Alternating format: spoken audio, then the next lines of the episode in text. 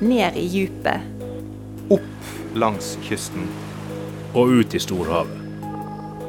Havpodden, en HI-podkast.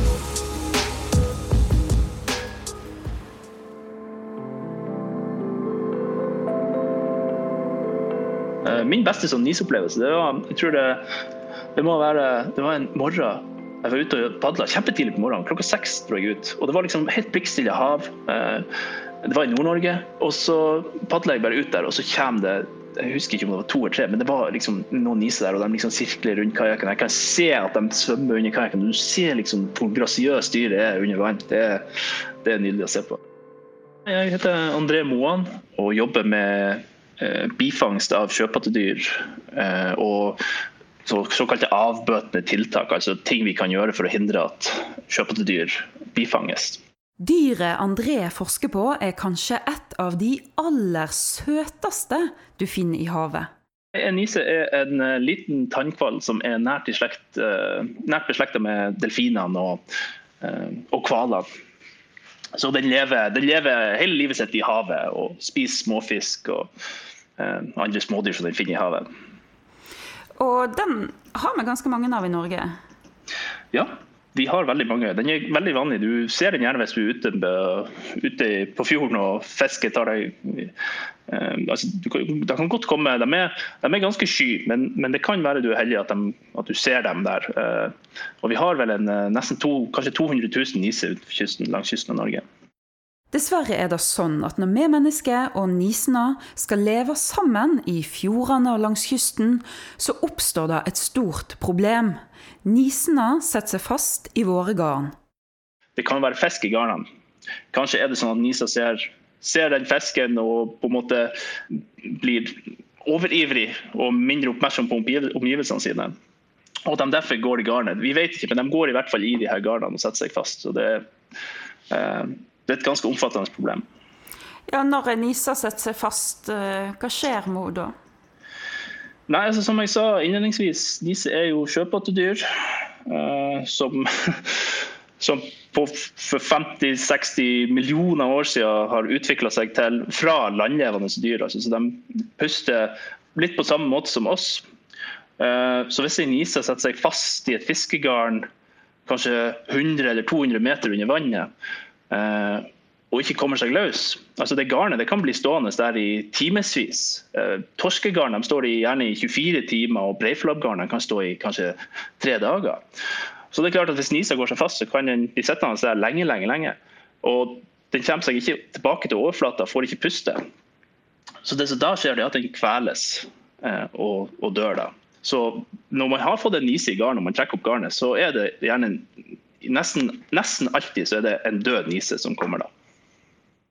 Altså, jeg har jo snakka med mange fiskere mens jeg har jobbet med det her, og, og det er ikke sånn at eh, det, det slett ikke positivt for dem heller. Eh, det er mange som uh, sier at det, det liksom sk- sk- skjærer i hjertet, og det gjør vondt i sjela når du trekker opp uh, et fiskegarn og du har kanskje en nisemamma og en nisekalv inni der. Altså, du ser dem i øynene, og liksom, uh, så det, det har jeg fått beskrevet som en veldig uhyggelig opplevelse. Og dessuten så en nise som går i garnet, det kan være at den får panikk, og at den tuller seg rundt og uh, ordentlig, blir ordentlig sånn innvikla i det garnet. sånn at Den eneste måten å få den ut, det kan være at du må skjære over masken og ødelegge garnet ditt. Så det er jo ikke noe bra for fiskerne i det hele tatt. André og forskerkollegaene hans har forsøkt å finne ut hvor mange niser som mister livet i fiskegarn. Det beste på en måte hadde jo vært hvis alle fiskere, hvis en fisker når han fikk en nise i garnet, kunne ha eh, på en måte rapportert det tilbake til Fiskeridirektoratet eller til Havforskningsinstituttet.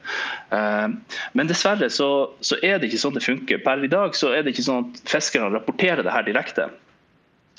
Eh, Så vi har ikke egentlig et sånt tall på det. Så vi er nødt til å beregne hvor mange niser er som dør på denne måten.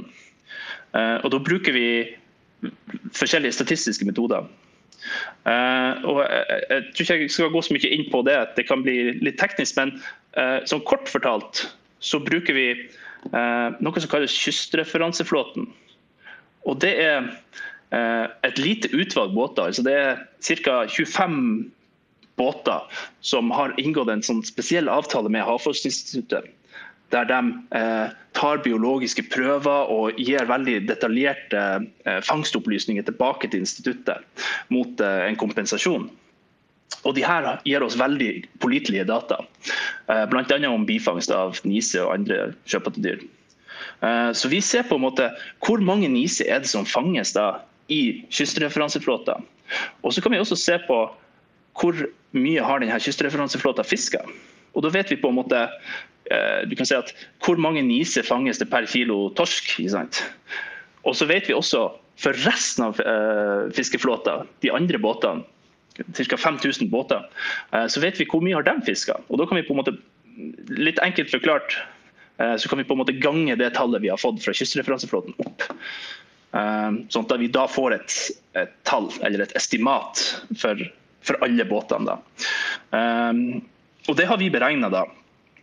Eh, og det tallet, De forskjellige beregningsmetodene vi har brukt, er veldig enige på det tallet. Eh, på ca. 2800 niser. Nesten 3000 niser dør altså på denne måten hvert eneste år. Det er mange, og de dør på en forferdelig måte. Kan noe gjøres, spurte forskerne seg. Svaret kan være så enkelt som et lite ja, altså der er det noen kloke hoder som har tenkt kloke tanker. og Det er, det er ikke vi som har på en måte uh, eh, oppdaga det her, men uh, det er nemlig sånn at uh, det finnes en uh, det finnes noe som kalles en pinger. Og denne pingeren den, den er en liten slags La oss kalle det en, en, en alarm eller en, en undervannshøyttaler som man knyter fast på garnene sine. Um, og Når den da kommer ned i vannet, så slår den seg på helt automatisk. Og så sender den ut uh, sånne små ping. Det er derfor vi kaller den en pinge. Den sender ut Hvert fjerde sekund så sender den ut et lite sånn ping, ping. Um, og de her pingene, Det er ikke liksom tilfeldig hvilken type ping det er. fordi det, Den bruker på en måte Nisa sin egen fysiologi for å få Nisa til å holde seg borte. Uh, og Grunnen til at vi kan gjøre det, er fordi Nisa den, har, den bruker det uh, vi kaller ekkolokasjon. Ja, altså den har en slags uh, biologisk sonar som den sender ut sånne små klikk og hører etter ekkoene og bruker dem til å danne seg et bilde av hva den har foran seg. Og Det gjør at Nisa har veldig god hørsel i et bestemt frekvensområde. Og de pingerne de er innstilt sånn at de sender ut pinget sitt akkurat i det frekvensområdet. Uh, og Vi vet jo selvfølgelig ikke hvordan det her oppleves for nisen. Altså, er liksom, uh, hvordan er det? Er det som å være på en uh, bråka togstasjon en ettermiddag i liksom, rushet? Eller er det, er det mer som negler mot tavla? Eller, eller hvordan, hvordan, oppleves det? Er det ubehagelig? Er det, ja. Men i hvert fall, faktum er at det får nisen til å holde seg unna garnene. Det får den til å trekke seg bort og ut av området. Pingerne får altså nisa til å stikke av, i stedet for å symje rett inn i garnet. Det høres jo nesten for godt utover sant at en sånn liten dings skulle funke så bra. Så André og forskerne de bestemte seg for å teste det ut i stor skala. Uh, ja, vi har uh, siden 2018, ja, og de siste to årene, så har vi gjort et uh, sånn pingerforsøk. Da, der vi har fått åtte forskjellige fiskebåter til å bruke pingere på garnene sine. Og For at vi skal kunne liksom sammenligne da, er det en forskjell på garn med og uten pingere, uh, så har vi fått dem til å bruke pingere annenhver uke. Så det er på en måte samme båten som så vi sammenligner det. Um, og I løpet av de her to årene så har vi fått data tilbake på over 500 fisketurer som de båtene har gjort. Og Ca. halvparten var med pingere og halvparten uten pingere. Um, og i de garnene med um, I garn uten pingere så var det tatt 19 niser. 19 stykk. Det er, et, det er kanskje et stort tall. Um, men i garn med pingere så var det ikke tatt en eneste én. Så det er, en, det er, jo en, kjempestor forskjell her, og det viser jo ja, hvor utrolig effektive de her er.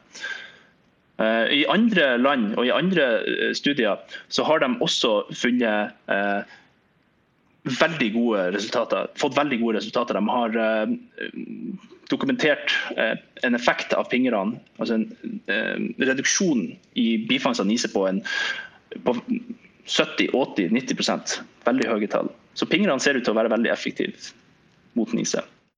Burde ikke det da bare bli påbudt for alle å ha pingere i garnene sine? ja, det kan du si. Altså, kanskje, kanskje fra et uh, dyrevelferdsmessig perspektiv så, så, kan man argumentere for det.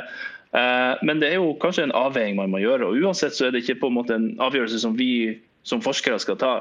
Vi har eh, avdekka eh, omfanget av problemet, og her er en løsning. Og så er det på en måte opp til eh, andre å, bestemme eh, i, hvor, stor grad pingler skal tas i bruk.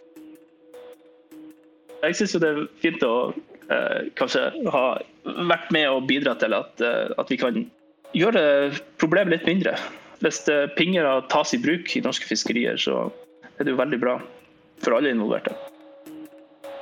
Havpodden er en podkast fra Havforskningsinstituttet. Jeg heter Stine Hommedal og er rådgiver her. Teknisk produksjon og lyddesign var det Febril Film som sto for. Dette var siste episode i denne sesongen, men du hører fra oss på nyåret. Og du, god jul.